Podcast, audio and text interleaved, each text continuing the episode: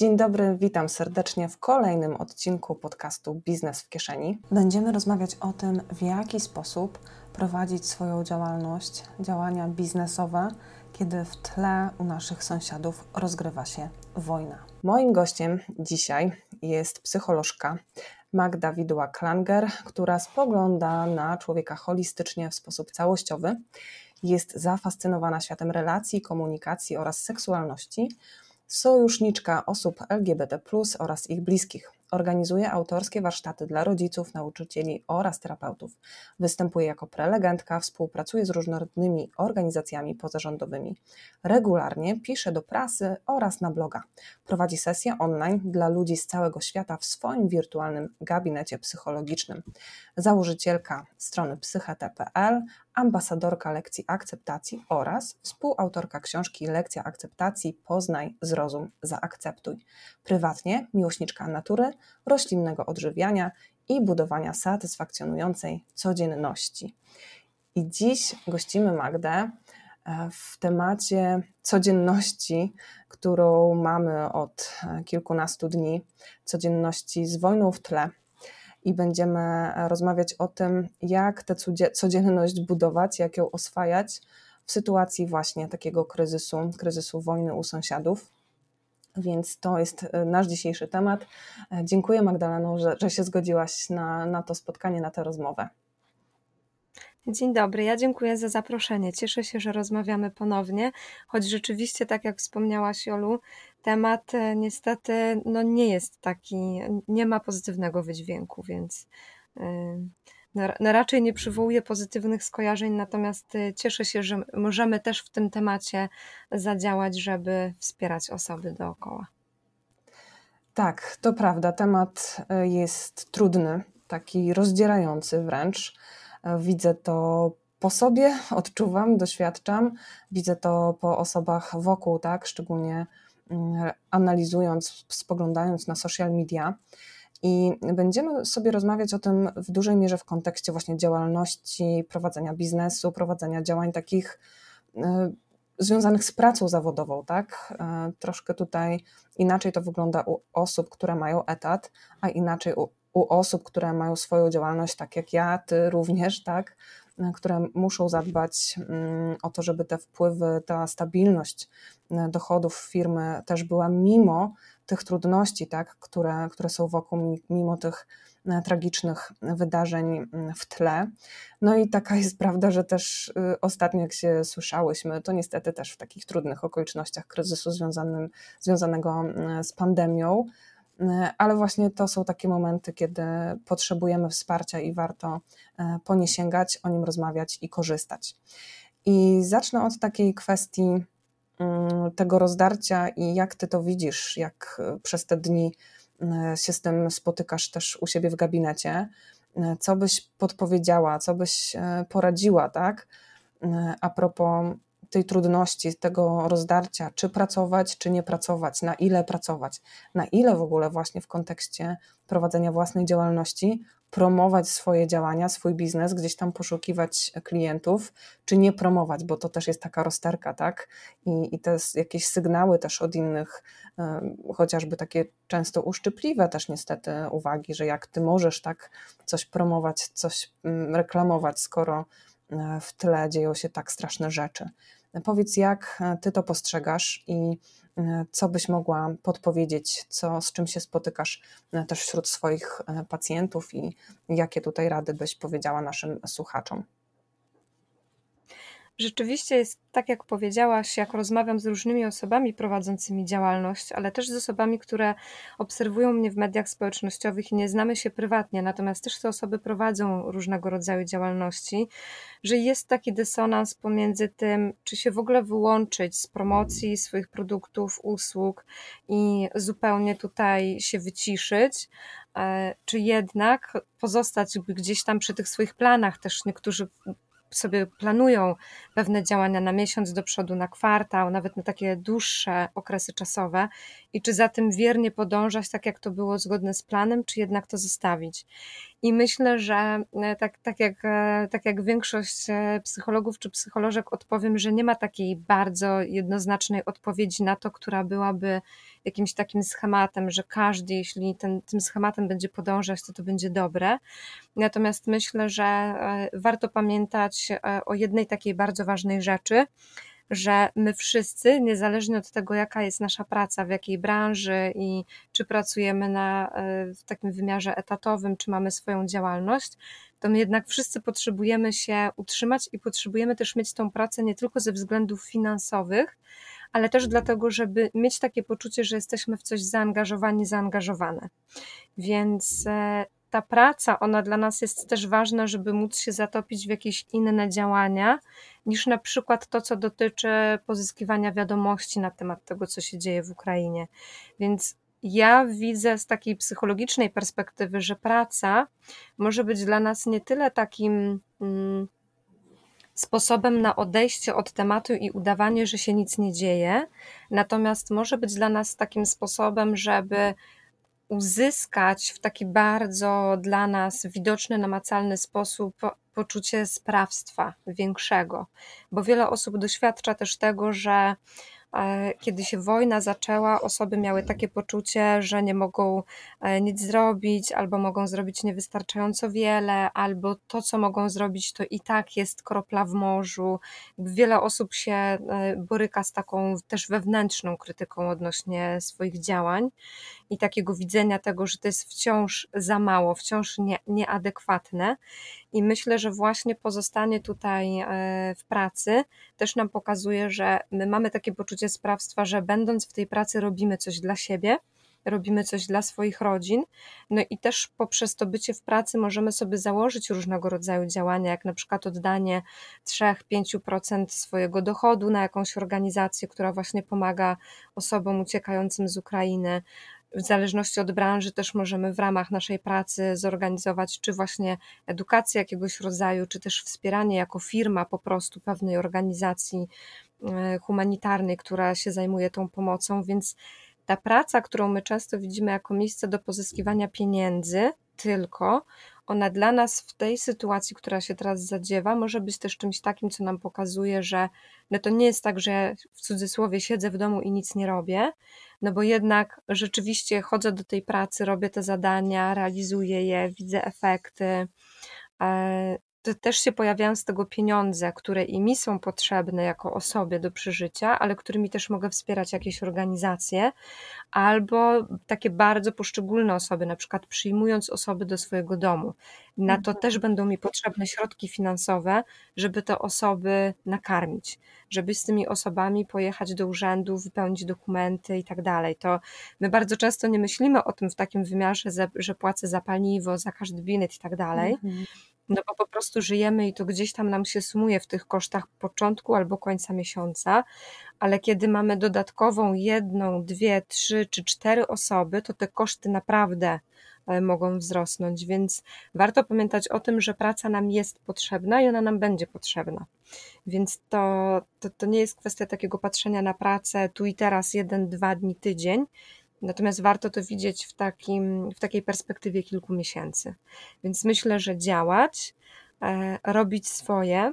To, co też może bardzo pomóc, jeśli chodzi o promowanie swojej firmy, to rzeczywiście takie troszkę e, wstrzymanie się z takimi planami, e, jakie były założone przed tą całą sytuacją w Ukrainie, o której się dowiedzieliśmy, dowiedziałyśmy. Więc e, reklamowanie siebie być może trochę mniej, a być może po prostu w inny sposób, mhm. bo rzeczywiście wiele osób e, ma takie odczucia, że reklamowanie się teraz w tym okresie jest czymś, co niektórych denerwuje, niektórych irytuje, dla innych jest e, oznaką braku taktu. I myślę, że tutaj warto byłoby się nie sklejać z żadnym z tych odczuć, natomiast mieć na uwadze, że rzeczywiście, kiedy ja będę na przykład teraz przez tydzień robić taką bardzo rozległą promocję jakiegoś swojego produktu, to dla wielu osób to może być trudne. Dla moich obserwatorów, dla ludzi, którzy się na przykład zapisali na mój newsletter, to może być trudne, żeby oglądać to cały czas w taki sposób, więc, więc może zmiana sposobu promocji, a jeżeli chcemy wystartować z jakimś nowym produktem, to może przesunięcie tego o kilka dni, tydzień. Więc to trochę każdy potrzebuje się tak przyjrzeć temu, jak to robił do tej pory, jakie były plany i jak też każdy, każda z nas czuje się z tym, gdybym miała w ogóle tych planów promocyjnych nie zmieniać i robić to dokładnie tak jak do tej pory, to czy też ja się czuję z tym mhm. ok? Tak, myślę, że tutaj to, to poczucie jakby w zgodzie ze sobą, tak? To jest istotne. Przecież wiele e, chociażby gwiazd muzycznych, tak? Odwołało swoje premiery płyt, mm, odwołało jakieś trasy koncertowe, czy też zmodyfikowało, tak? No tutaj ważne, żeby, żeby się temu przyjrzeć mm, i może robić to tak, jak mówisz, e, w trochę innej formule.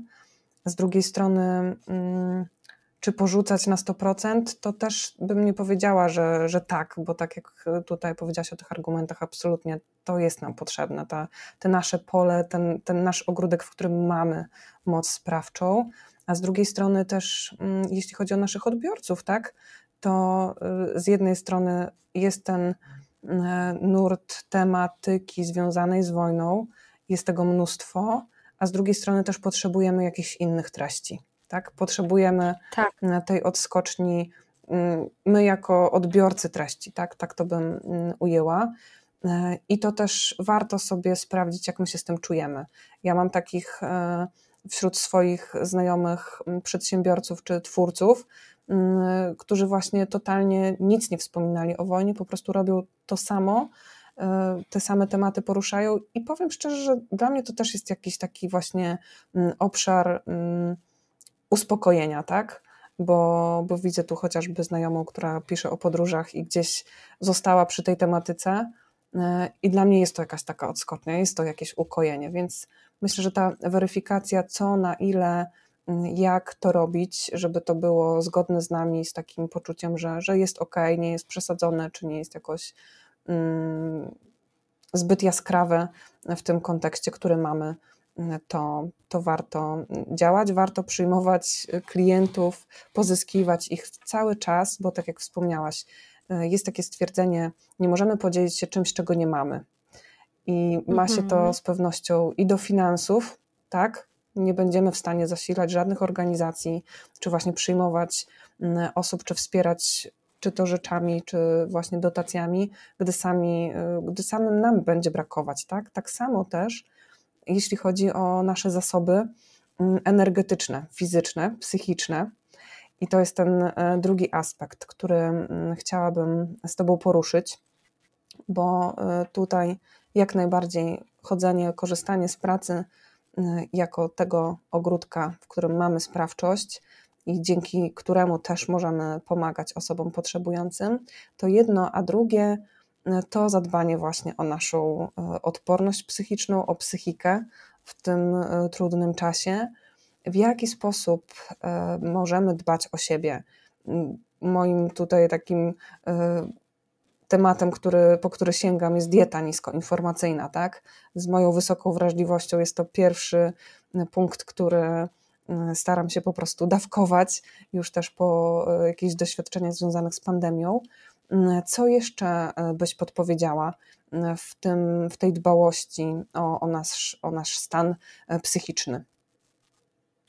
To, to, co dotyczy tej dbałości, to jest dokładnie też to, co ty powiedziałaś przed chwilą, kończąc ten nasz poprzedni wątek, i do tego bym się chciała odnieść, że właśnie pewien sposób działania ludzi, którzy prowadzą swoje działalności, którzy są w mediach społecznościowych, właśnie tak, że nie przerzucają się te osoby na na przykład udostępnianie informacji o wojnie, tylko dalej są jakby w tej swojej branży, w tym swoim temacie robią swoje rzeczy.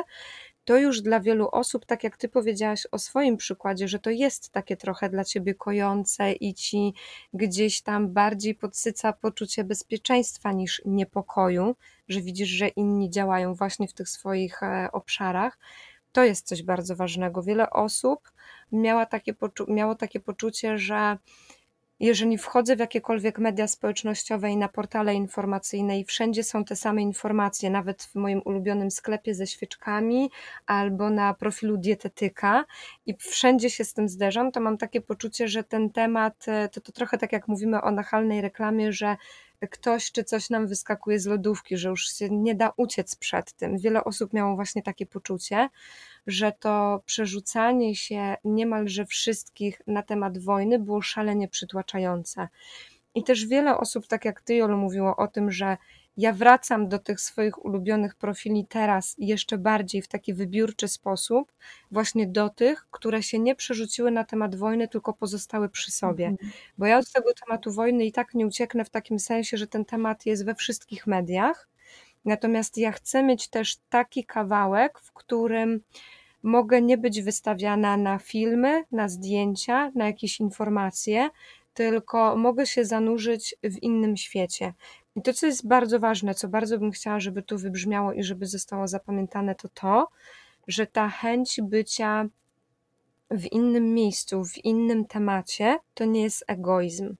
Egoizm w takim sensie, my bardzo często egoizm odbieramy jako coś jednoznacznie negatywnego, co, co nie jest takie z perspektywy psychologicznej jednoznaczne, więc e, patrząc właśnie w taki sposób, że egoizm jest czymś negatywnym, to chciałabym, żeby wszyscy, którzy nas słuchają, zapamiętali to, że robienie teraz swoich rzeczy, dbanie o to, żeby pojawiały się przyjemności w moim życiu, robienie tego, co ja lubię, właśnie chęć bycia w innym temacie niż wojna, nie jest egoizmem i te wszystkie rzeczy to są sposoby na dbanie o siebie. Mhm.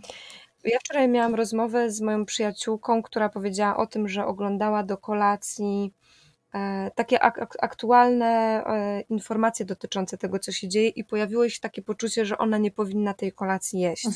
Mm -hmm. że, że patrząc na to, co się tam dzieje i na ten absurd tej sytuacji, że tak blisko nas, Polaków, naszego kraju, jest sytuacja, w której ludzie nie mają domów i w której nie tylko nie mają ciepłego posiłku, ale nie mieliby nawet gdzie go zjeść, w sensie takiego bezpiecznego miejsca, ona nie powinna siedzieć teraz i jeść tej kolacji.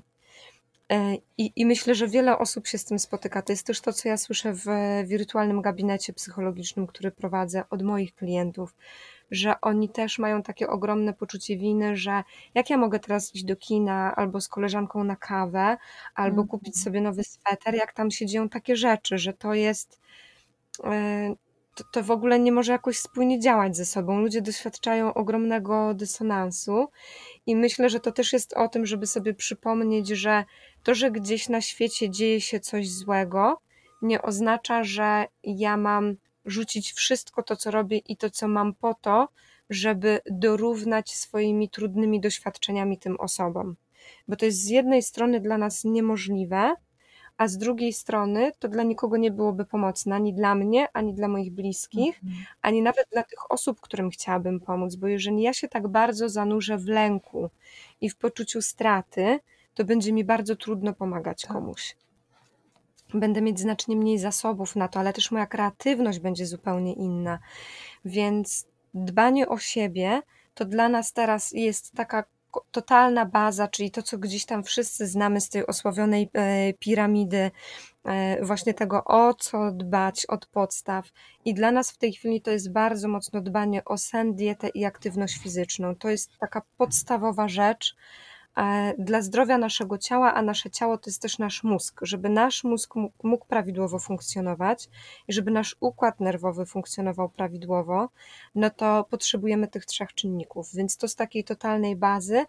Myślę, że wszyscy to wiemy, ale nie każdy z nas gdzieś przywołuje to sobie teraz w tej sytuacji, że o, to jest coś, co jest ważne, mhm. żeby w takiej sytuacji, kiedy słucham o tej wojnie, gdzieś tam mieć to z tyłu głowy, że nie mogę tych obszarów traktować gdzieś tam tak bardzo frywolnie, więc jeśli chodzi o bazę, to to. Natomiast reszta, jeśli chodzi o dbałość o siebie, to jest to, co powiedziałaś, y, dieta niskoinformacyjna, co ja nazywam detoksem informacyjnym. Czyli warto sobie wybrać jedno, dwa źródła informacyjne, z którego korzystamy i zaglądać tylko do tych źródeł, nie oglądać wszystkich portali informacyjnych i wiadomości i w internecie, i w radiu, i jeszcze gdzieś, tylko mieć takie swoje dwa rzetelne, sprawdzone miejsca, do których zaglądam. I ja bardzo polecam nie robić tego zaglądania codziennie. Wiem, że w pierwszym tygodniu było tak, że niektórzy nawet co godzinę śledzili te wiadomości. I badania pokazują, że to dla nas nie jest dobre. Mm -hmm. Ja polecałabym to sprawdzanie wiadomości raz na dwa, raz na trzy dni. I też jak rozmawiam o tym w gabinecie, to wiele osób mówi: No, ale jeśli się coś wydarzy, to ja nie będę wiedzieć. I mamy takie e, dwie na dwóch zupełnie skrajnych biegunach, dwa takie ważne tematy. Jeden to jest kwestia tego, e, co się stanie z Putinem i z jego działaniami w takim kontekście, gdyby w, w jakiś sposób one zostały przerwane i ludzie odczuwają lęk, że ja nie będę tego wiedzieć, jak nie będę sprawdzać codziennie. Mhm. A drugi taki obszar to jest to, co gdzieś bardzo mocno wybrzmiewa w mediach, czyli uruchomienie przez Putina atomu.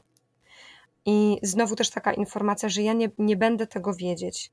To są e, tak skrajne, ale z, jednej, z drugiej strony też tak ogromne e, informacje, że nawet jeśli my nie będziemy zaglądać w media, to ich tak się o tym dowiemy.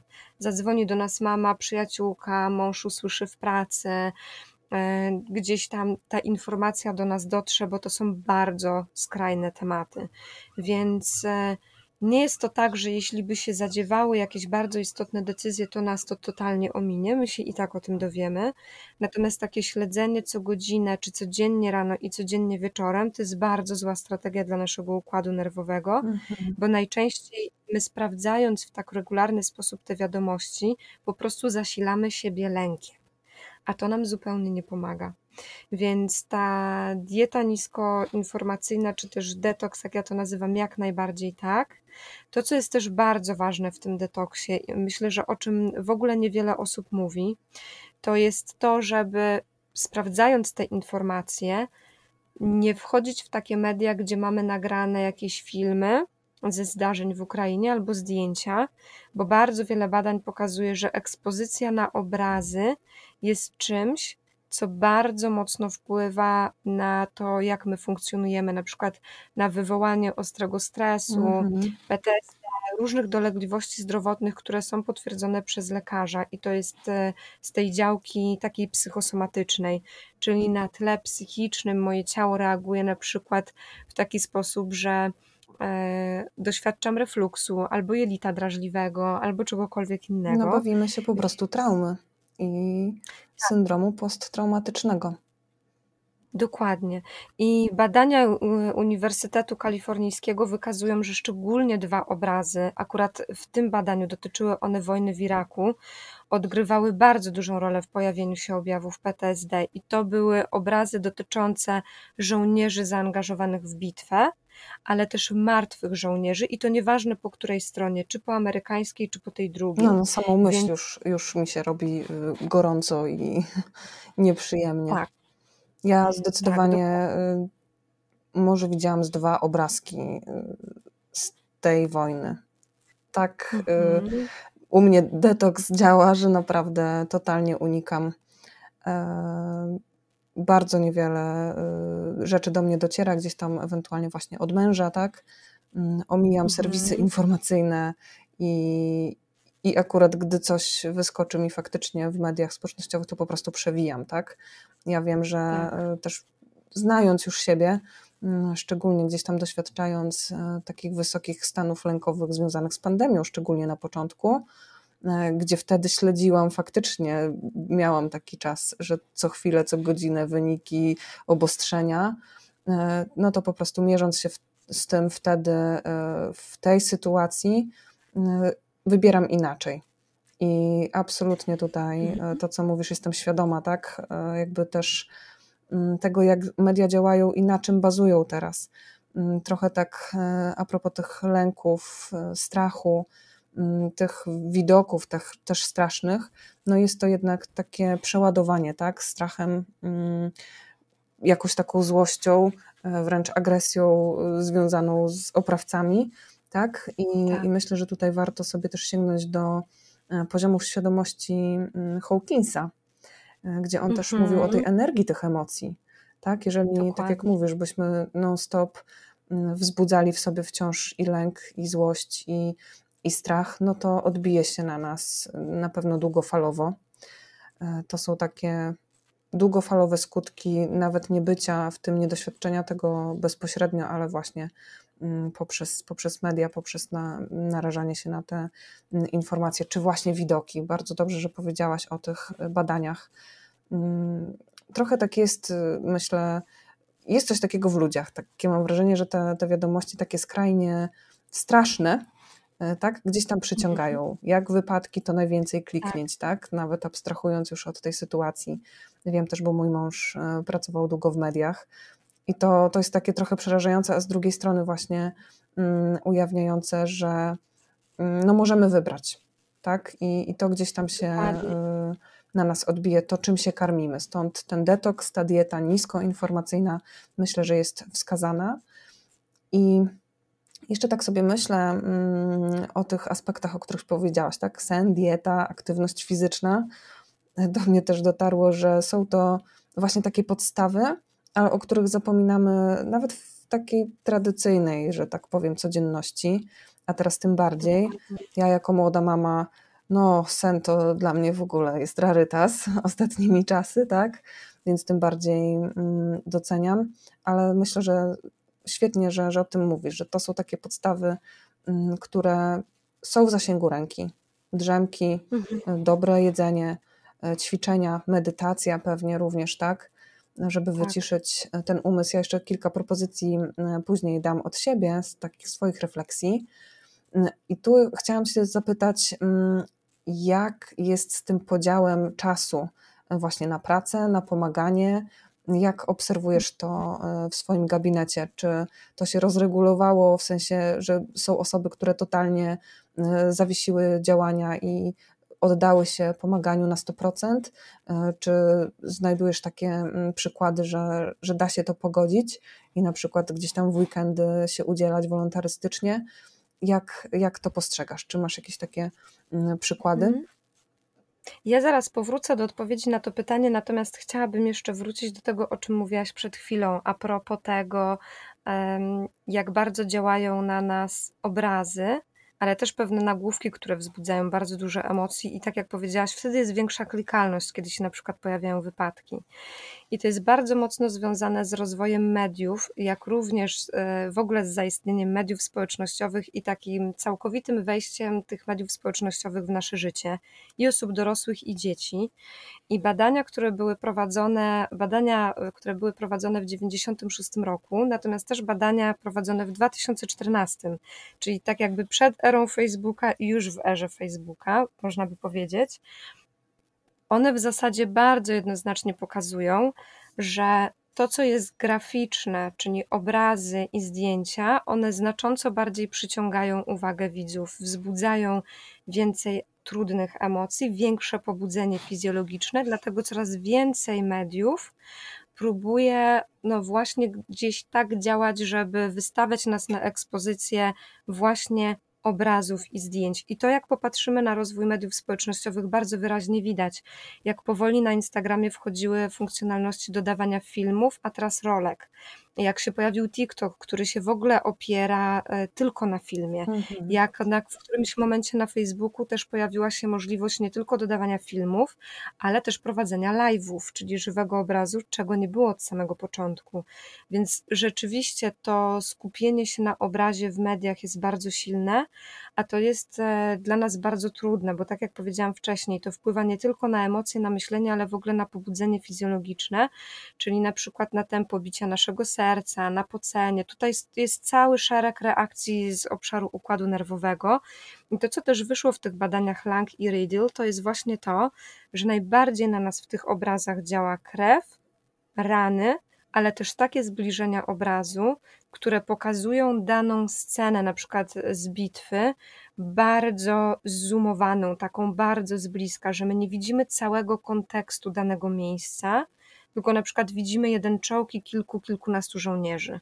I to są takie obrazy, które najbardziej e, wpływają na to nasze pobudzenie fizjologiczne, ale też um, pojawianie się tych trudnych emocji i dłuższe trwanie w nich, więc to ma bardzo duże znaczenie. Więc to nie wystawianie się na obrazy i na zdjęcia, to jeszcze raz powtórzę, to ma bardzo, bardzo duży na nas wpływ, bo objawy, których możemy doświadczyć teraz, one się mogą utrzymywać nawet przez najbliższe 3 do 4 lat.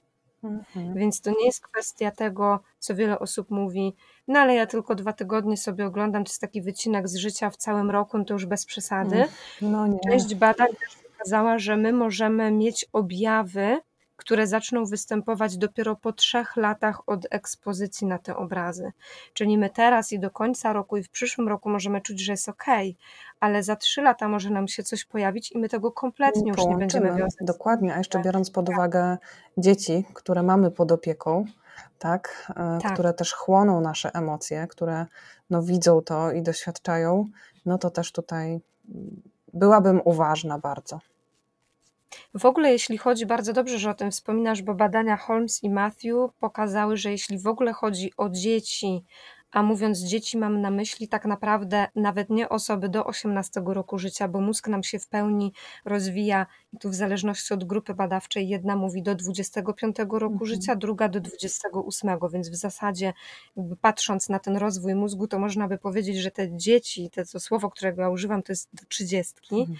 to badania pokazują, że ekspozycja na takie obrazy, ona nie tylko nasila te ostre reakcje emocjonalne i późniejsze cierpienie z tego wynikające, ale może odgrywać bardzo dużą rolę w rozwoju, w utrzymywaniu się pewnych um, zaburzeń czy chorób na tle psychicznym, które się właśnie wiążą z tym cierpieniem, i to w ogóle może być związane z upośledzeniem naszego funkcjonowania na co dzień w takim rozumieniu e, toku rozwojowego więc to jest nie tylko kwestia odczuwania tych emocji, które też mogą się nam pojawić w jakichś objawach z ciała, tak jak właśnie mówiłam wcześniej, na przykład jelito drażliwe, ale one mogą w ogóle upośledzać e, w jakimś sensie możliwość rozwoju tych osób, które są młode szczególnie właśnie bym powiedziała do 18 do 20 roku życia. Więc to naprawdę ma duże znaczenie, co my oglądamy, bo to samo mogą oglądać nasze dzieci. Natomiast też to, co powiedziałaś, jeżeli ja jestem w lęku, w strachu, to nawet jeśli moje dziecko, które ma rok, dwa lata, nie widzi tych obrazów i ich kompletnie nie rozumie, to na poziomie odczuwania czy jest spokój, czy niepokój, to dzieci świetnie wychwytują to, co się dzieje w domu.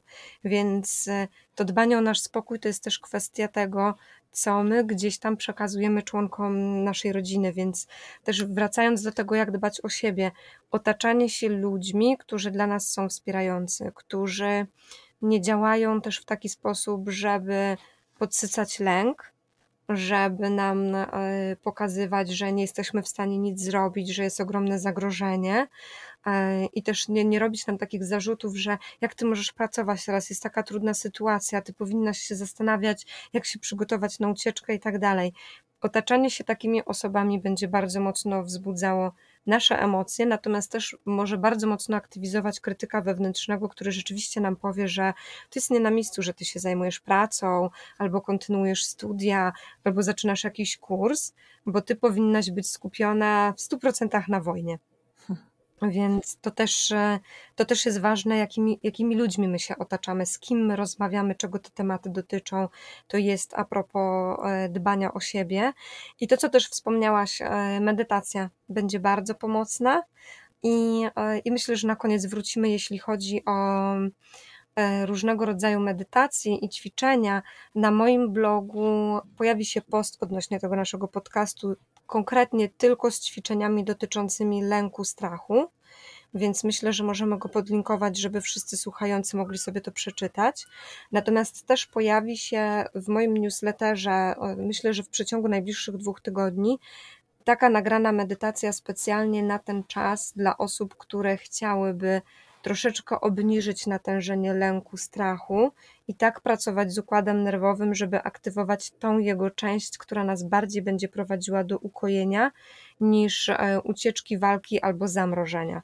Więc wszystkie osoby, które się też zapiszą na newsletter, bezpłatnie, e, bezpłatnie to nagranie dostaną, bo rzeczywiście też badania pokazują, że medytacja w czasach kryzysu jest czymś, co nam bardzo pomaga, nie dlatego, że my wtedy uciekamy od myśli czy emocji, tylko dlatego, że medytacja jest takim działaniem, które nam pozwala bardzo silnie wpływać na układ nerwowy w taki sposób, żeby go balansować, stabilizować, a nie wprowadzać w dysharmonię. Mhm. Więc myślę, że to, to też mo może być taka wartość dodana dla naszych słuchaczy, żeby sobie z takich bezpłatnych materiałów skorzystali. Super, świetnie, bardzo dziękuję. Na pewno będziemy linkować. To, co e, jeszcze tutaj tak wyłapałam, chciałabym się do tego odnieść e, a propos tych badań, wyników i e, tej naszej nieświadomości tego wpływu, tego y, właśnie, co nam robią te wiadomości, co, co nam robią te tak. informacje, tak? tak? Bo tak jak mówiłaś y, i o tym rozwoju mózgu y, i tych skutkach długofalowych, tak, w ciele wręcz, mm, to mi się też przypomina ten temat takiej traumy transgeneracyjnej i tego, tak. jak nawet chociażby no, temat mi bardzo bliski tak, przez ostatni czas, jak to jest w czasie ciąży, jak nasze samopoczucie, nosząc dzieciątko w sobie, wpływa na jego rozwój, na to, co, co z nim będzie też później. I e, mogę taką polecić książkę Nie zaczęło się od ciebie, właśnie o takich traumach. Mm -hmm. I też myślę, polecam, że tak. to jest, no to będziemy mieli z tym do czynienia przez kolejne lata. Mamy cały czas wiedząc od naszych przodków, tak, którzy przeżywali y, traumy wojenne, ale to się odbija na pokoleniach. I myślę, że właśnie ta świadomość o tyle jest ważna, żeby wybierać, wybierać mądrze w tym momencie y, i nie robić sobie tego, nie robić tego właśnie dalszym pokoleniom, tak? Y, stąd tak. jakby no, w moim odczuciu to izolowanie się niejako, czy, czy właśnie ten detoks ja to mówię, ja nazywam dietą niskoinformacyjną. Mhm. Jest naprawdę y, dobrą, słuszną drogą, dzięki której możemy gdzieś tam zachować tą harmonię, tę równowagę i móc pomagać w pełni sił. Może nie jest to, wiadomo, pełnia 100%, tak? bo, bo wszyscy odczuwamy to, co się dzieje i, i to na nas wpływa w, w różnych obszarach, ale jednak możemy się tym wspomagać, żeby jeszcze sobie nie dokładać i, mm, i nie dokopywać na kolejne lata zwyczajnie, tak? Tak. Dokładnie, sobie i naszym najbliższym, tak. a najbliżsi to jest i nasza rodzina, i nasi przyjaciele. Mhm. Więc jeżeli w ogóle e, szukać informacji, to tylko takich do czytania, gdzie nie ma obrazów graficznych, najlepiej co drugi dzień i najlepiej nie dłużej niż 15 minut dziennie na to poświęcać czasu. I tu przechodzimy do tego, o co mnie zapytałaś, jak dzielić ten czas na odpoczynek, na pomaganie, pracę, obowiązki mhm. i tak dalej. I mamy taki podział e, jeszcze ze starożytnego, chyba Rzymu, jeśli dobrze pamiętam, który ten podział nam tłumaczy, dlaczego doba ma 24 godziny, i to jest o tym, że mamy 8 godzin na sen, 8 godzin na pracę i 8 godzin na odpoczynek. I oczywiście pewnie większość osób, jak słyszy to, co ja mówię, to ma takie poczucie, że chyba mało kto tak żyje, bo rzeczywiście poza pracą mhm. mamy mnóstwo obowiązków, a często jest też tak, że poza pracą jednak wchodzimy w ten taki sposób działania, robienia rzeczy do pracy w czasie wolnym. Mhm. Więc rzeczywiście to zachowanie tego podziału 3 razy 8 jest dla nas bardzo trudne, szczególnie w takich czasach, kiedy pojawia się jakiś kryzys albo kiedy dzieje się coś, co buduje bardzo dużo naszego lęku. Więc e, znowu wracamy do tego, że im bardziej jest tak, że jesteśmy w kryzysowej sytuacji, że odczuwamy więcej lęku, więcej stresu, tym bardziej to jest dla nas sygnał, że ok, jeśli ja tak czuję, to znaczy, że ja jeszcze bardziej potrzebuję skupić się na tym, żeby zadbać o siebie. Więc e, to, co ja bardzo polecam zrobić, bo też obserwuję, że osoby mówią o czymś takim, że ja muszę wiedzieć wszystko, co się dzieje, bo to jest mój obowiązek obywatelski, to jest taka straszna rzecz i ja nie mogę odwracać od tego głowy. Mhm. I to jest coś, z czym ja się bardzo nie zgadzam w kontekście tego utknięcia właśnie w mediach i w pozyskiwaniu informacji, bo my nie musimy wiedzieć wszystkiego, my nie musimy wiedzieć nawet 25%, mhm. żeby móc pomagać. Dokładnie. I ta pomoc, ona się może manifestować w bardzo różny sposób. I też spotkałam się w mediach społecznościowych z taką narracją, że jest pomoc adekwatna i nieadekwatna, czyli taka za mała, niewystarczająca. I też jest taki bardzo duży wątek podniesiony tego, czy mówić, że pomagamy, czy nie mówić, że jak ktoś pomaga naprawdę, to się tym nie chwali, a jak mhm. się chwali, to to jest takie w cudzysłowie robienie sobie dobrego PR-u, a nie naprawdę chęć pomocy. I to też ja bym powiedziała, że jest bardzo mylnym założeniem, bo każdy z nas może pomagać w taki sposób, w jaki jest to możliwe dla tej danej osoby w danym mhm. momencie, czyli tu i teraz mam takie zasoby, jakie mam. W tym miesiącu mogę wpłacić na organizację humanitarną 10 zł. Takie mam warunki i tak mogę pomóc, i to jest ok nie ma lepszej i gorszej pomocy. I to też jest coś, co chciałabym, żeby zostało zapamiętane. Każdy z nas pomaga w taki sposób, w jaki to jest możliwe w danym momencie. Warto też pamiętać o tym, że ta pomoc, ona tak naprawdę nie będzie potrzebna przez następny tydzień, dwa, tylko przez najbliższych kilka lat tym mhm. ludziom. Więc nawet jeżeli moja sytuacja finansowa jest taka, że ja nie mogę pomóc, albo mam trójkę małych dzieci i nie mogę być wolontariuszem, bo te dzieci mnie potrzebują, to ja i tak będę mogła pomóc za tydzień, za miesiąc i za pół roku. Więc to, to jest przepiękne to dobro, które widzimy teraz w Polsce, jak wiele ludzi się zmobilizowało. Natomiast nie dajmy sobie wmówić, że to jest ten jedyny moment, w który trzeba się wbić, być akuratnym i robić teraz, bo to będzie potrzebne przez najbliższych kilka lat. Mhm. Więc to jest bardzo ważne, żeby o tym pamiętać i też o tym, że Pomagać można na bardzo wiele różnych sposobów, bo i finansowo, i jako wolontariusz, i jako osoba, która gdzieś e, drukuje jakieś ulotki, plakaty, która opracuje na przykład plik e, dla ludzi, jaka jest krok po kroku procedura wypełnienia dokumentacji w urzędzie dla tych obcokrajowców, albo dla organizacji, które się tym zajmują. Jak ktoś zna ukraiński język, może tłumaczyć różne materiały dla ludzi z Ukrainy, którzy pojawiają się w Polsce, więc jest naprawdę jest cały wachlarz tego, co możemy robić. Natomiast jak sobie wyjmiemy to pytanie, jak mam pomagać, żeby to było adekwatne, to wtedy nam ten wachlarz możliwości będzie łatwiej zauważyć. Mhm. Ja Więc, e, tutaj... mhm. mów, mów. Więc to jest, to, to jest bardzo istotne, żeby o tym pamiętać, że to jest dużo rzeczy, które możemy robić i każdy z nas może robić coś innego. Tak, tutaj jakby tak zamykając klamrą, każda pomoc jest dobra. Każdy tak. rodzaj wsparcia, I każda tak? pomoc jest adekwatna. Tak, to jest to, co bardzo często pewnie i ty, Jolu, słyszałaś i osoby, które nas słuchają przy zbieraniu różnych funduszy na różne organizacje. Każda złotówka ma znaczenie i to naprawdę nie jest hasło marketingowe, to naprawdę tak jest. Jakbyśmy, jakby ludzie z całego świata, każdy wpłacił tą złotówkę, czy jednego dolara, czy jedno euro, no to naprawdę pomoc dla tych ludzi byłaby zorganizowana, więc nie dajmy sobie wmówić, że jakaś nasza pomoc jest za mała albo nie taka, jaka powinna być. Mhm. Jeśli ona jest spójna z moimi zasobami i nie odbywa się moim kosztem i kosztem mojej rodziny, to znaczy, że to jest najbardziej adekwatna pomoc, jaką mogę dać teraz. Dokładnie. I a propos jeszcze tego chwalenia, e, mi bardzo mocno takie odczułam aha moment, jak mówią Amerykanie, jak usłyszałam e, chyba Emilię, która prowadzi e, podcast Własny Spokój, jeśli nie mylę, bo nie mam teraz przed oczami, więc mogę mylić. To jest podcast o feministycznych finansach i ona powiedziała coś takiego, że ona co miesiąc 5% dochodu przeznacza na jakąś określoną organizację. Nie z tytułu tego, że jest wojna, tylko tak po prostu, mhm. takie ma założenie.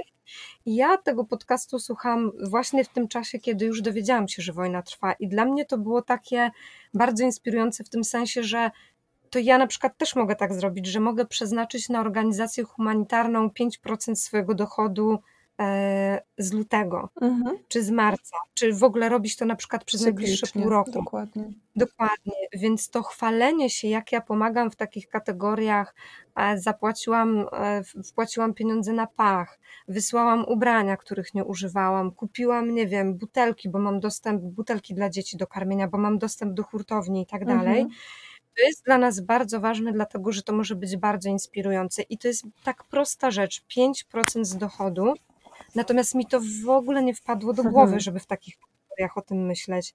Więc naprawdę chwalmy się tym, jak pomagamy, bo to może być szalenie inspirujące Dokładnie. dla innych. Jako inspiracja. Może, tak, i może być też czymś takim, że ja to usłyszę i nie zrobię tego samego, ale narodzi mi się jakiś zupełnie inny pomysł. Więc chwalmy się tym, bo to nie tylko jest inspirujące dla innych, ale to też pokazuje właśnie, jak dużo jest e, dobra i piękna w, tej, w, tym, w tym całym okrucieństwie, które się dzieje, że ludzie się naprawdę bardzo mobilizują. Tak, tak. Więc to jest, to jest dla nas też bardzo budujące, że my możemy tego słuchać, że inni ludzie pomagają, nie tylko inspirujące, ale właśnie dodające takiego poczucia stabilności i bezpieczeństwa. No i w naszym e, społeczeństwie polskim, które jest bardzo spolaryzowane, szczególnie od 2014-2015 roku, no to też ta możliwość zobaczenia, jak bardzo my się jednoczymy w tej pomocy, no to myślę, że też jest dla Polaków czymś takim bardzo dużym, tak jakbyśmy trochę tą polaryzację odłożyli na bok. Oczywiście nie wszyscy, nie 100%, ale mam wrażenie, nie wiem jak Jolu do Ciebie czy do naszych słuchaczy, ale do mnie dociera jednak znacząco więcej tych dobrych informacji niż tych takich negatywnych. Więc myślę, że to nam, Polakom, też pomaga, że możemy zobaczyć, że nasz naród, pomimo tej polaryzacji, jednak są takie momenty, że może się bardzo zjednoczyć i mówić niemalże jednym głosem. Tak, to jest budujące e, faktycznie te, te widoki, te obrazki, te, ta fala po prostu też i pomysłowości, kreatywności, mhm. bo no, różne, że tak powiem, sytuacje się wydarzają i są różne potrzeby. Mnie to też e, napawa takim taką wdzięcznością, tak? I, I, faktycznie radością z tego, że mamy tę moc, jak współpracujemy. I tak jak mówisz tak. o tych inspiracjach, ja miałam też tak przez pierwsze dni takie poczucie, o Jezu, a co ja, a co ja mogę? Co ja mogę zrobić, tak? Ja tutaj mały y, człowieczek, y, gdzieś tam też zestresowany w tej sytuacji, y, no nie ukrywam, tak? Dla mnie to tak, takie było uderzenie, że kurczę, no wychodzimy z pandemii, już światełko w tunelu, a nagle bum, tak? I, i kolejny taki cios, gdzieś tam strach o, o najbliższych i, i to, co, co się wydarzy dalej, tak? W kolejnych dniach. I też miałam takie poczucie, co ja mogę, ale kolejne właśnie chwile pokazały, że ten wachlarz, o którym powiedziałaś, sam tak naprawdę się pojawia, bo tu znajoma z Mm, gimnazjum wrzuciła informację, że przyjmuje uchodźców, że szuka kanapy. Myślę, o Boże, mam kanapę, tak? Która stoi gdzieś tam w domu rodzinnym, y, nie jest jakoś niezbędna, tak? Podzielę się tym.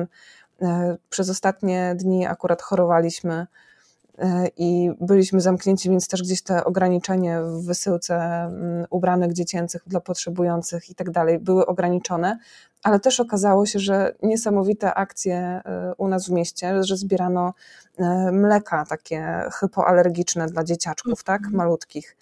Mieliśmy puszki, które nam zostały jeszcze z początków karmienia naszej córeczki i też okazało się, że ktoś podjechał po prostu pod dom, odebrał. Więc naprawdę do, doświadczyłam przez te też dni, e, że nawet właśnie nie mając w 100% możliwości zaangażowania się tak, przy małym dziecku, wyjścia, wolontariatu x godzin w tygodniu, to jesteśmy w stanie pomóc, tak? Jesteśmy w stanie e, wspierać organizację, czy nawet właśnie podzielić się linkiem, dokonać płatności, puścić link dalej, zachęcić innych, tak? Do właśnie zaangażowania i jest ta pomoc możliwa, realna i to jest piękne, tak jak mówisz, że mm, potrafimy, potrafimy mnóstwo wspólnie zdziałać, więc, więc jest to inspirujące i, i myślę, że na tej fali takiego, e, tej jedności, o której mówisz, warto, warto się unosić, natomiast niewątpliwie no też e, są te sygnały i jest gdzieś to mm, jednak polaryzowanie i czasami takie przytyki, tak, że jak możesz mhm. robić coś tam, jak potrzebne jest coś tam. Y, I, i to, to, to taka przykra akurat strona, tak, mm, tej całej sytuacji, ale trzymajmy się tego, że każda pomoc jest dobra. Y, mamy w sobie tę moc i, i korzystajmy, wspierajmy y, tak, jak potrafimy, dbając o siebie, bez dwóch zdań, bo no, potrzebujemy siebie też na dłużej. I to, co mm, tak wybrzmiało, jeszcze to, co mówiłaś mm, a propos tego, kiedy jest dobry moment, tak, czy, czy jaka jest forma odpowiednia, to mi się z kolei mm, kojarzy takie porównanie, którego użyła, zdaje się, Ola Budzyńska, że się mówi o tym, że to taki sprint, że niektórzy właśnie uderzają teraz takimi działaniami na już i się wypalają. Niektórzy mówią, że trzeba podejść do tego jak do maratonu, tak? Na zasadzie, że to właśnie długofalowo przez kolejne lata ta pomoc będzie potrzebna w różnej formie. Natomiast ona wspomniała o sztafecie. I e, tak jak e, też przyjrzałam się temu wpisowi, to był zdaje się wpis na Instagramie, i, i właśnie ta sztafeta e, wybrzmiewała o tyle Mm, fantastycznie, bo mówiła o tym, żebyśmy się wspierali w tym, że jak jedno gdzieś tam nie da rady, to drugie e, przejmie tę pałeczkę i dowiezie, tak? E, podrzuci, mhm. załatwi, e, żebyśmy byli drużyną, a nie przeciwnikami. Tak, i myślę, że też to, co powiedziałaś o tej krytyce, że nie wiem na ile ty, Jolu, pamiętasz i nasi słuchacze, nasze słuchaczki, ca całą sytuację związaną ze strajkiem kobiet, która też trwała trochę, bo to nie było jedno wydarzenie, tylko kilka tygodni. I wtedy też się pojawiało bardzo wiele takich sygnałów, jak pewne osoby mogą robić pewne rzeczy, jak mamy taką sytuację w Polsce. I myślę, że my takich przytyków i komentarzy nie unikniemy, bo to są opinie i przekonania innych ludzi. Mhm. I my się z nimi spotykamy cały czas odnośnie naszych wyborów życiowych, wyglądu, naszej pracy, tego jak robimy rzeczy. My będziemy tego, to, tego słuchać cały czas. Natomiast myślę, że to, co bardzo warto zrobić, to zadać sobie takie pytanie, kiedy to słyszymy.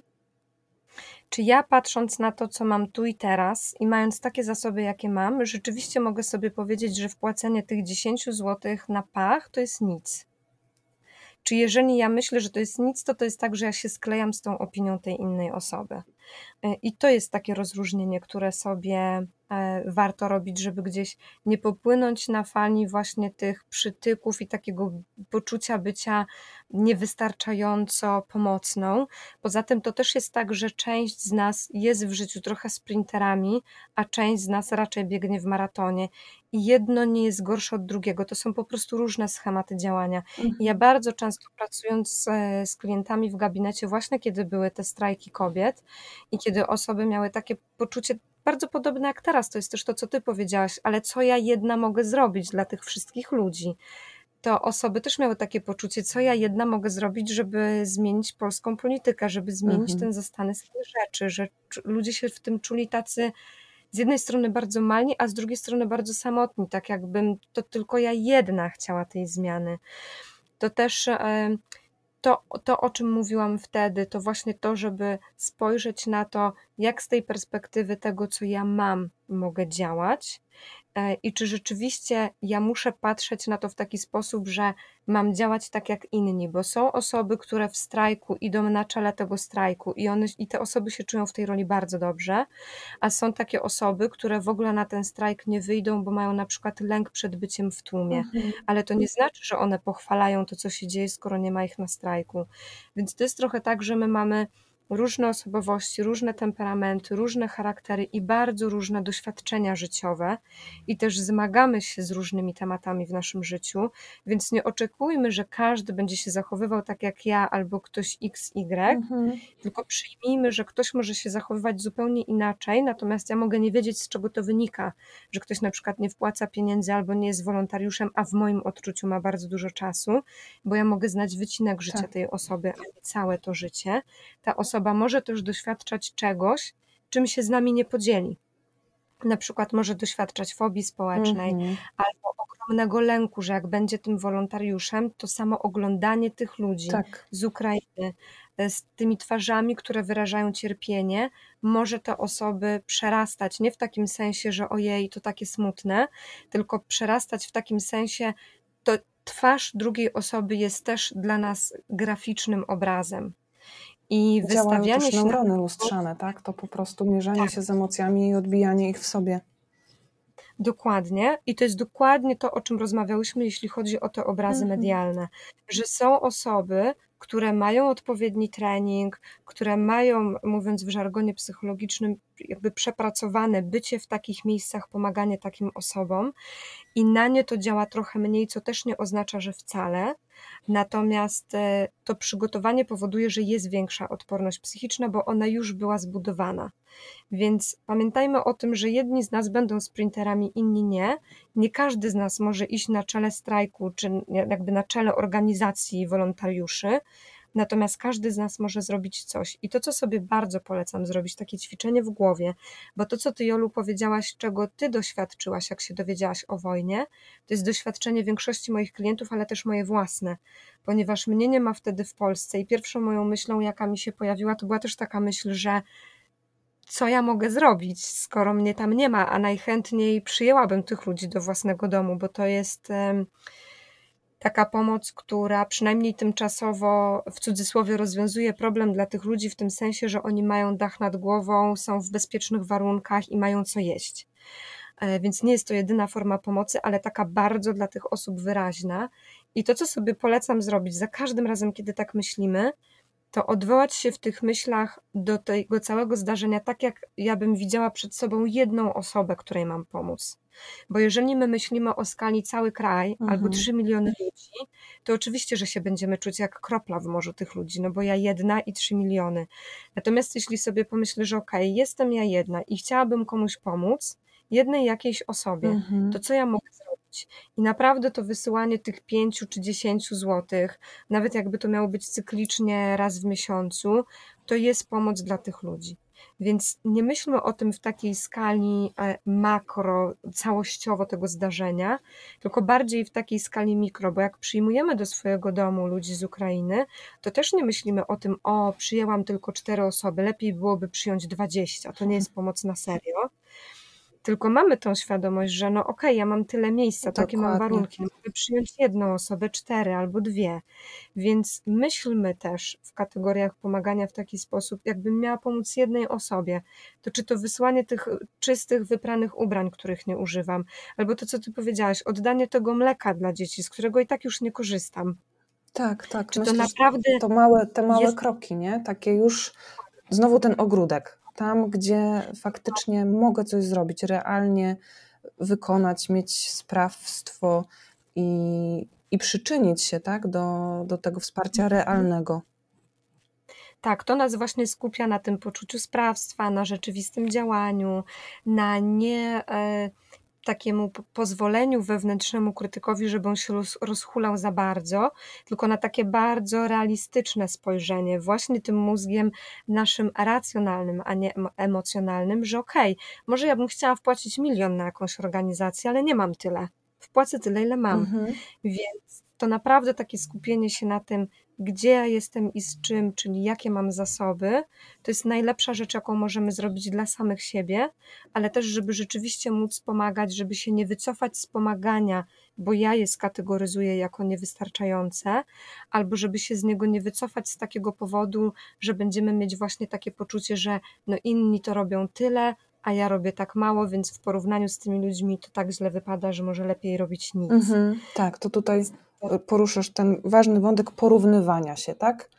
I ja zawsze daję taką radę, e, trochę tak jak z konkurencją, tak? E, Rada na konkurowanie to rezonowanie, że każdy z nas po prostu ma coś takiego w sobie, ma indywidualne, totalnie wyjątkowe e, cechy, predyspozycje, potencjał, umiejętności, możliwości, zasoby, kontekst i korzystajmy z tego, tak? Jakby tu to, co mówiłaś o osobowościach, absolutnie to jest wszystko ok, że jeden ma tak, drugi ma tak.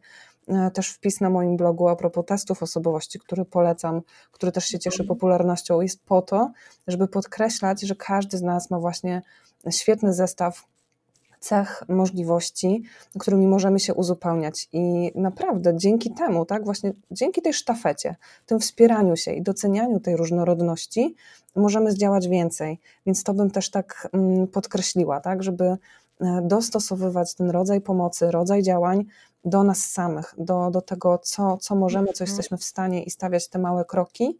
I też taka ważna rzecz, e, która kilka razy się pojawiła w tym dbaniu o siebie, bo też w tych swoich wskazówkach, które za chwilę też przytoczę jako takie podsumowanie e, pod koniec naszej rozmowy, to obok tego dbania o siebie napisałam e, właśnie i o wewnętrzne dialogi, czyli o tą tak. naszą wewnętrzną rodzinkę, tak, która no niewątpliwie zdarzają się nam takie przytyki, że oj, co to, co to jest, daj spokój, nie rób śmiechu, tak, przestań, co to było, inni robią więcej, robią lepiej, etc. Więc ten wewnętrzny krytyk, e, z którym warto się dogadać. E, ja też pracuję z takim narzędziem, który pomaga w tym na co dzień, ale mamy taką wyjątkową sytuację, e, więc ta uważność, ta dbałość o to, żeby po prostu sobie nie dokopywać, ale znajdywać w sobie ten głos taki wspierający tego dorosłego, tak, który widzi e, racjonalnie, zdroworozsądkowo, okej, okay, dzisiaj nie jesteś w stanie wpłacić więcej, dzisiaj wpłacisz tyle i to też jest w porządku, to też pomoże. Więc e, te, te wewnętrzne dialogi są, są w tym pakiecie dbania o siebie. To też e, chcę, żeby tutaj to wybrzmiało, że każdy z nas jest na różnym poziomie, w różnej osobowości, ale każdy te wewnętrzne głosy ma i, i na to warto też mieć taką uważność. Tak, i to, co powiedziałaś o tych wewnętrznych dialogach, czyli to, jak ja mówię do siebie i bardzo często o sobie, to jest też o tym, tu polecam sobie zrobić takie ćwiczenie, jeśli wpadamy w taki wir e, właśnie bardzo głośnego wewnętrznego krytyka, to zadać sobie takie pytanie, czy gdyby to moja przyjaciółka mhm. przyszła do mnie i by mi powiedziała, wpłaciłam na organizację humanitarną 10 zł, tyle mogę w tym miesiącu, to czy ja bym jej powiedziała, że nie, w ogóle weź ta twoja pomoc beznadziejna, no i co oni zrobią z tą dychą? Czy ja bym jej raczej powiedziała, że no to super, że w takiej sytuacji, jaką masz, w ogóle robisz cokolwiek. Mhm. I jak byśmy sobie częściej robili w ogóle w życiu, nie, nie tylko w tej sytuacji, w której jesteśmy, ale w ogóle w życiu, takie odniesienie do tego, jak ja bym skomentowała to, co mówię o sobie, gdybym usłyszała to od mojej przyjaciółki albo od osoby, którą kocham najbardziej na świecie, jak ona mówi właśnie tą część historii, którą ja lubię oceniać, gdybym to usłyszała od tych ludzi, czy ja bym oceniła to wciąż tak samo, jak oceniam siebie w tym wewnętrznym dialogu, czy jednak nie? I też taką, myślę, że w ogóle ważną rzeczą, bo wspomniałaś o uważności, taką ważną rzeczą teraz, to jest też w ogóle znowu tak, taka rzecz ważna w życiu, ale szczególnie kiedy pojawia się jakiś kryzys, jesteśmy w trudnej sytuacji, to jest dbanie o samo współczucie. I samo współczucie składa się z takich trzech komponentów. Mamy tam właśnie uważność, o której wspomniałaś, mamy życzliwość dla siebie, taką, taką formę właśnie życzliwego, łagodnego traktowania siebie ale też taki komponent wspólnego człowieczeństwa. To jest trochę o tym, że ja nie jestem bezludną wyspą.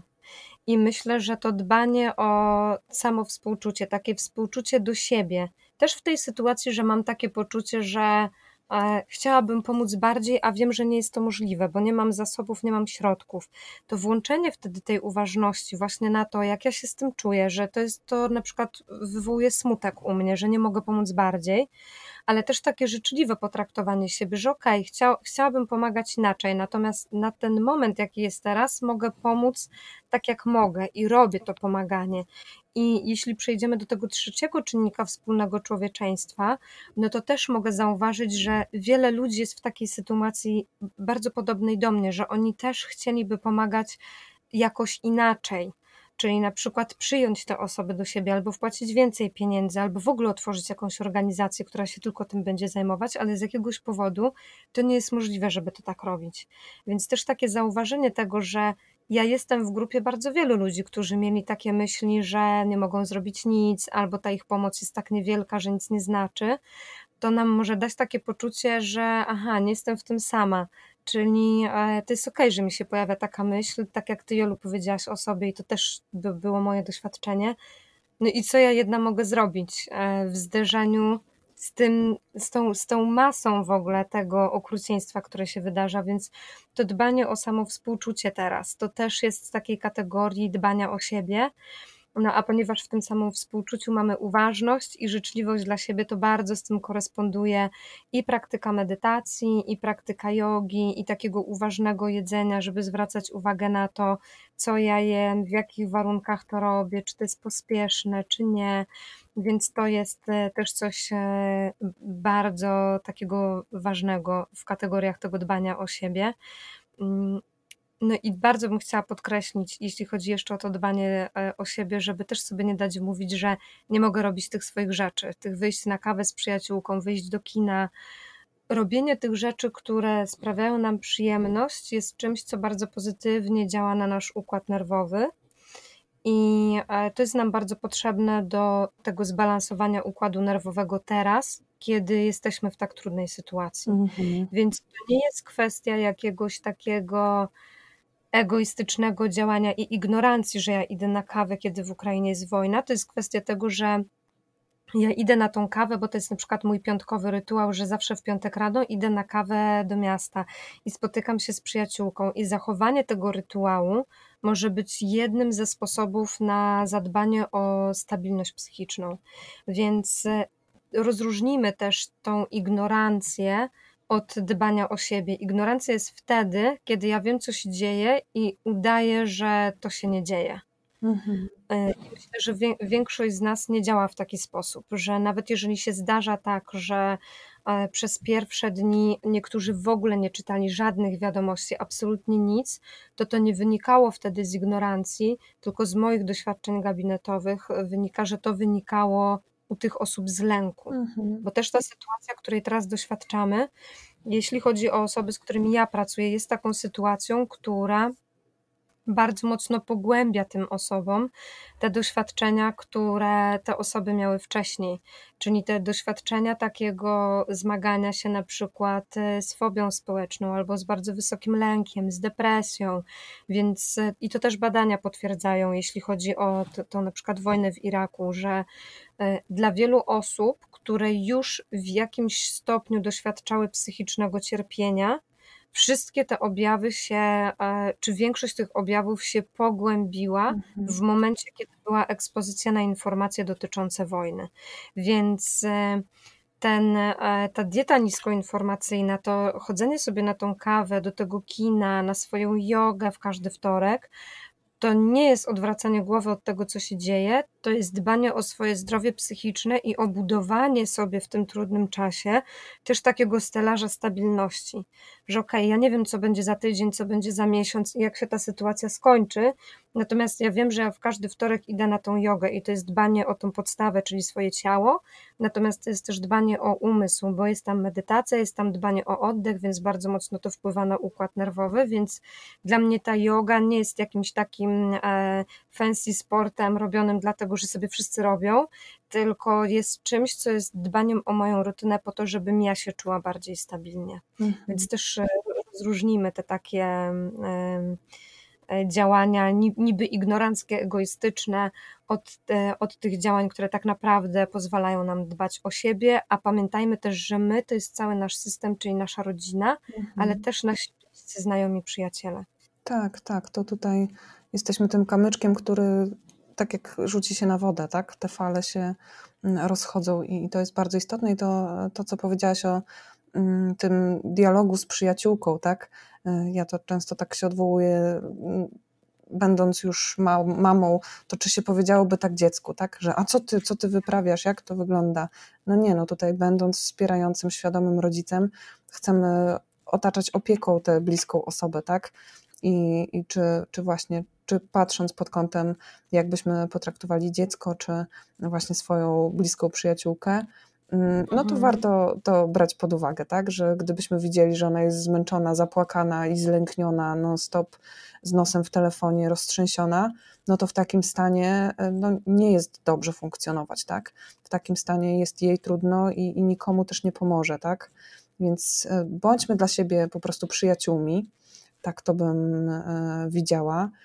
E, I to, co e, ja bym dorzuciła od siebie z takich wskazówek, które tak wynotowałam, oczywiście obok jak najbardziej tego wszystkiego, co powiedziałaś Ty, Magdo, mm, to ja tak doświadczam mocno tej uważności w kontakcie ze swoją córeczką, więc myślę, że e, przebywanie z małymi dziećmi, przebywanie w towarzystwie zwierząt jest bardzo tak, kojące, więc myślę, że ktokolwiek ma pupile i uwielbia to, to jest to też taki czas do, do tego przytulenia się, pogłaskania. Mm, a jeśli są dzieci obok, e, beztroskie, małe, z którymi możemy pogugać chociażby, to też mhm. gdzieś tak nas sprowadza do tej uważności i wdzięczności, że, że jesteśmy tutaj, mamy co mamy i, i możemy te zasoby mm, też zasilać i dzięki temu E, dzięki zasilaniu siebie wspierać innych. I ostatnio też mnie zafascynował temat aromaterapii.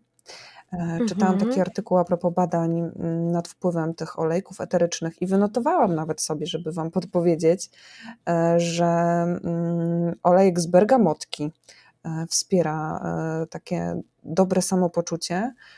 Olejki cytrynowe sprawdzały się w badaniach w zwalczaniu, a w zasadzie w redukowaniu objawów depresji. Natomiast e, olejek z lawendy lekarskiej sprawdzał się przy mm, lękach, przy stanach lękowych. Więc takie mhm. znalazłam wyniki badań i przyznam, że chyba zrobię zakupy, żeby potestować tą aromaterapię na własnej skórze, ale tak po prostu się dzielę na bieżąco, że, że taki temat gdzieś też do mnie przyszedł i może też mm, do wykorzystania dla Was. Tak, zapachy są jak najbardziej ważne.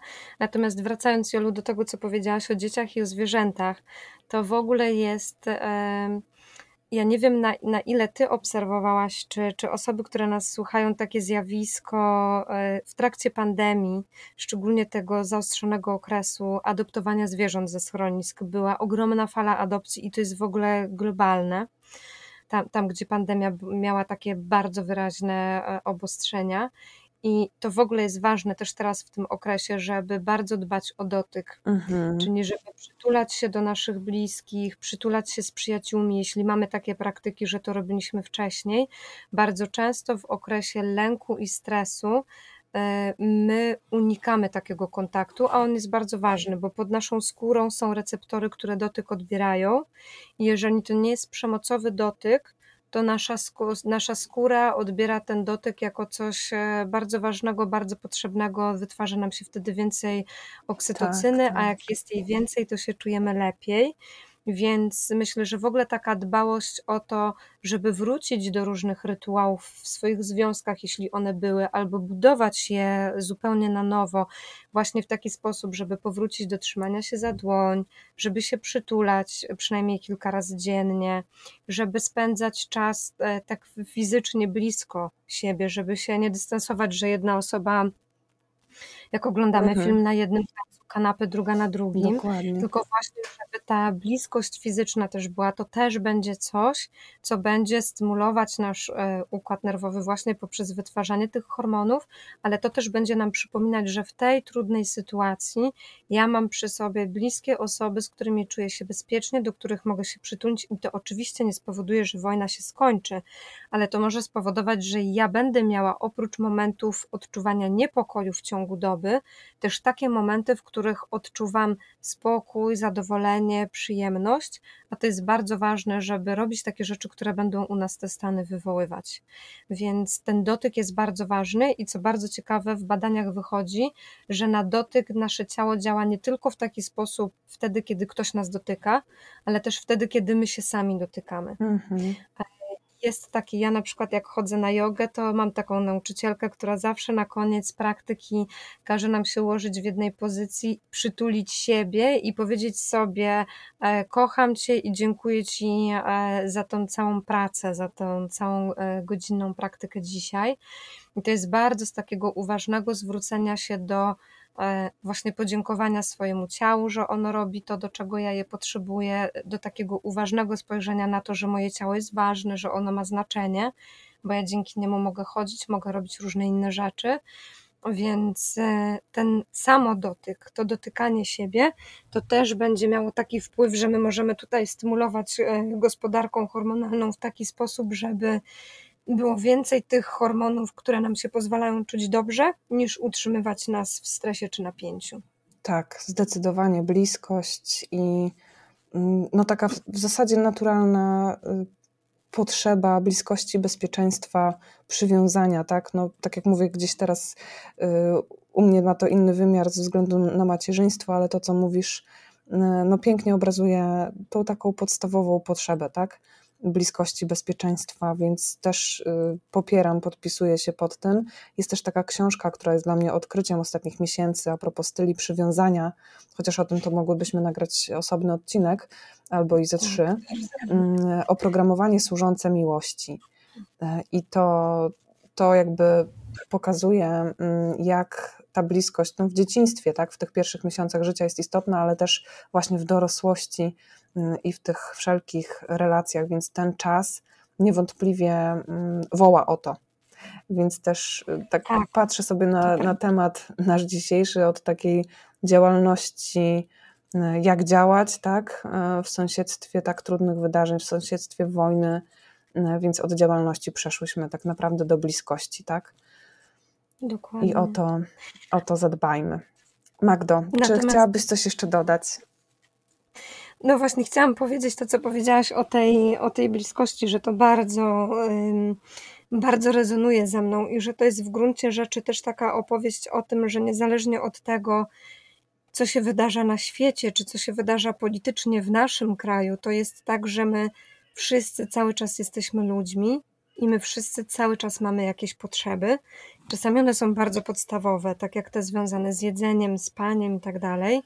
Natomiast w tym zakresie tych podstaw, podstaw potrzeb, potrzeb podstawowych też właśnie kryje się kwestia tej bliskości, tego e, dbania o zasoby poprzez bycie w grupach, które nas wspierają, czyli ten cały obszar społecznego życia, natomiast też robienie tych takich bardzo drobnych rzeczy, które ja wiem, że one mi robią dobrze czyli właśnie yoga, czyli to, co powiedziałaś, olejki eteryczne, jeśli tego używamy, to podziałanie też na nasz układ nerwowy w ten sposób, bo zapachy są, jakby zmysł zapachu jest bardzo silnym zmysłem u ludzi, więc powykorzystywać te rzeczy, które znamy, które wiemy, że dobrze działają, a jeśli się dowiadujemy o czymś nowym, to być może pozwolić sobie na to, żeby to kilka, kilkanaście razy sprawdzić, a właśnie jakby to było, jak ja bym zaczęła medytować, albo jakbym zaczęła używać tych olejków, albo jakbym zaczęła patrzeć na sen inaczej, czyli zaczęłabym bardziej traktować to jako coś ważnego i o niego dbać, niż traktować to tak, jak wiele razy słyszę w gabinecie, że sen to trochę taka strata czasu, mm.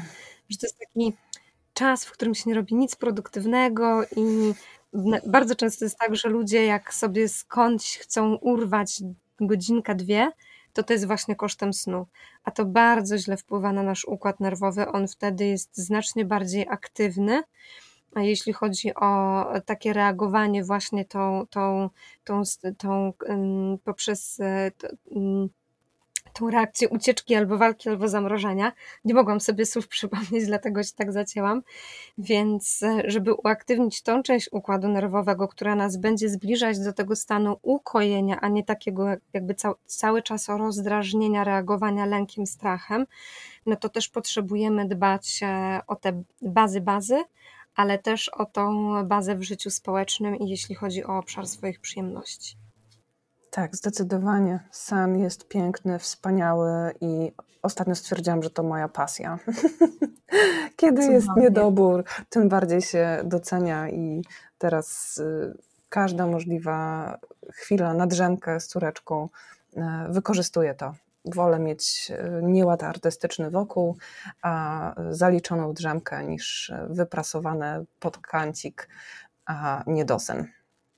Cudownie. I to bardzo dobrze mi to słyszeć, bo to badania też potwierdzają, że to jest zdecydowanie bardziej użyteczna strategia, to co robisz. Polecam, polecam. Doświadczenie uczy, więc e, dobrze.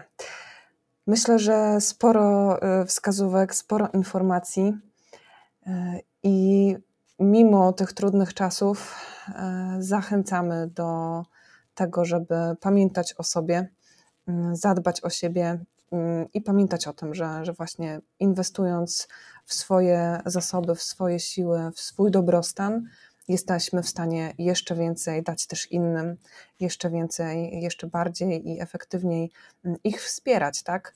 A to jest właśnie taki czas dla nas wszystkich, kiedy potrzebujemy siebie, kiedy potrzebujemy wykorzystywać te nasze zasoby, tę naszą różnorodność mm, do tego, by przetrwać w tych trudnych czasach, Mm, i gdzieś za, za te parę y, lat spojrzeć na to mm, z innego punktu, z punktu, który będzie po prostu mówił o tym, jak o incydencie takim krótkim, oby jak najkrótszym. Miejmy nadzieję, że jak najprędzej to się skończy. Tak, dokładnie. I jeszcze taka jedna rzecz na koniec, bo niektórzy lubią sobie. Um, zobrazować pewne rzeczy, które słyszą. Do tego, co powiedziałaś, Jolu, o dbaniu o siebie, warto zobaczyć ten obraz, który większość z nas pewnie tego doświadczyła, że w samolocie, kiedy mamy instrukcję, słyszymy o tym, że maskę mhm. zakładamy najpierw sobie, dopiero później dzieciom, rodzicom, osobom starszym, czy po prostu osobom, których nie znamy, a siedzą obok nas.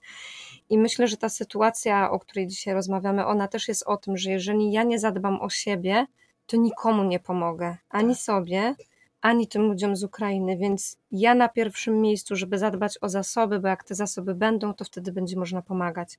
Natomiast jeśli ja wysycę zasoby na pomaganie, a nie będę ich doładowywać, to prędzej czy później przestanę pomagać nie dlatego, że nie chcę, tylko dlatego, że już nie będę miała możliwości. Więc myślę, że to jest e, e, to, to przywołanie tej instrukcji z samolotu, to, to bardzo często zostaje w umyśle i pozwala właśnie zobaczyć to, o czym mówimy. Więc może to będzie też takie pomocne dla, dla osób, które nas słuchają, żeby zobaczyć to tą metaforą. Tak, tak, to bardzo, bardzo ważna metafora. Super, że ją przywołałaś.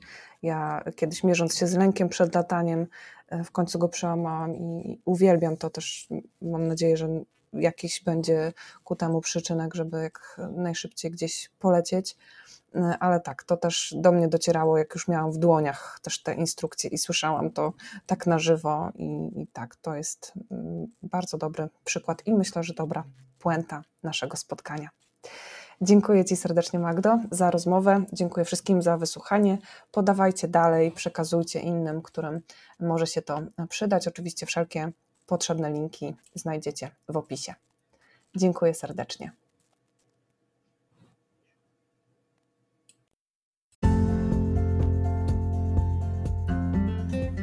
Jeśli te treści są dla Ciebie inspirujące, pomocne, coś rozjaśniły Ci w głowie i zainspirowały do jakiegoś działania, do wprowadzenia czegoś u siebie i uważasz, że mają wartość, to proszę podziel się nią z innymi. Daj znać innym, oczywiście subskrybuj, zaznacz, żeby te treści Ci się pojawiały, żebyś miał powiadomienia o nowych odcinkach, ale też po prostu podziel się tym ze światem. Daj znać komuś ze znajomych, może udostępnij gdzieś, gdzie masz tylko ochotę te informacje o tym moim podcaście. Będę Ci bardzo za to wdzięczna. Niech ta wieść, moc interakcji niesie się w świat, niech te e, wskazówki po prostu docierają do szerszego grona. Pozdrawiam Cię serdecznie i interakcyjnie. Cześć!